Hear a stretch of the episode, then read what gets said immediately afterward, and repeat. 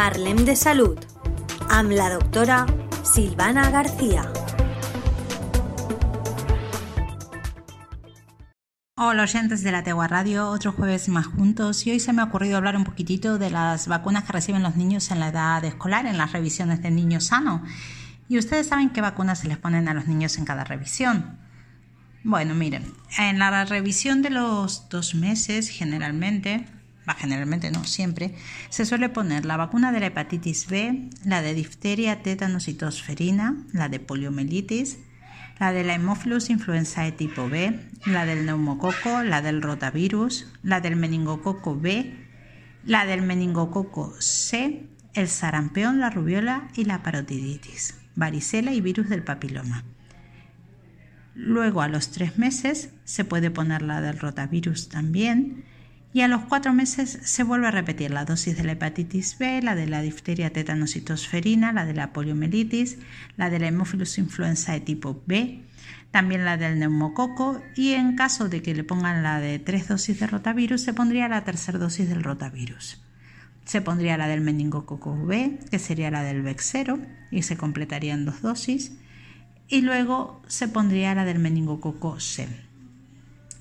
Luego a los 11 meses en la otra revisión se pone la de la hepatitis B, la de la difteria tetanocitosferina, la poliomielitis, la Haemophilus influenzae tipo B y la del neumococo. A los 12 meses se pone, entre los 12 y los 15 meses, de acuerdo a cada centro de salud, se puede poner la tercera dosis del meningococo B, que es la del Vexero. Luego se pone la del meningococo C y la del sarampión, rubiola y parotiditis, la triple vírica.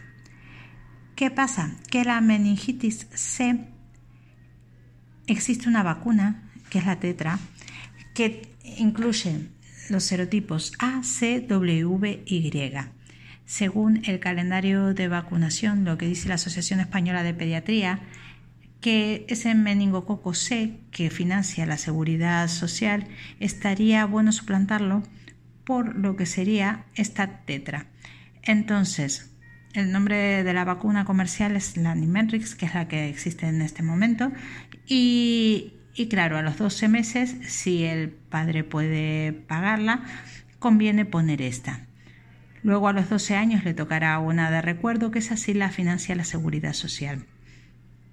A los 15 meses le toca la de la varicela y luego a los 3-4 años se le pone la triple vírica junto con la varicela, que sería una cuádruple. A los seis años se pone un recordatorio de la de difteria tetanocitosferina y una de la poliomielitis.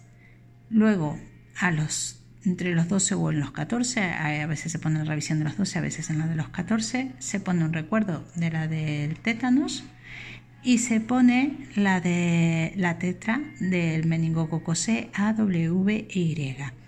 En niñas se pone financiada la del VPH, que se pone en dos dosis, y en niños se recomienda por la Asociación Española de Pediatría, pero de momento no está financiada tampoco.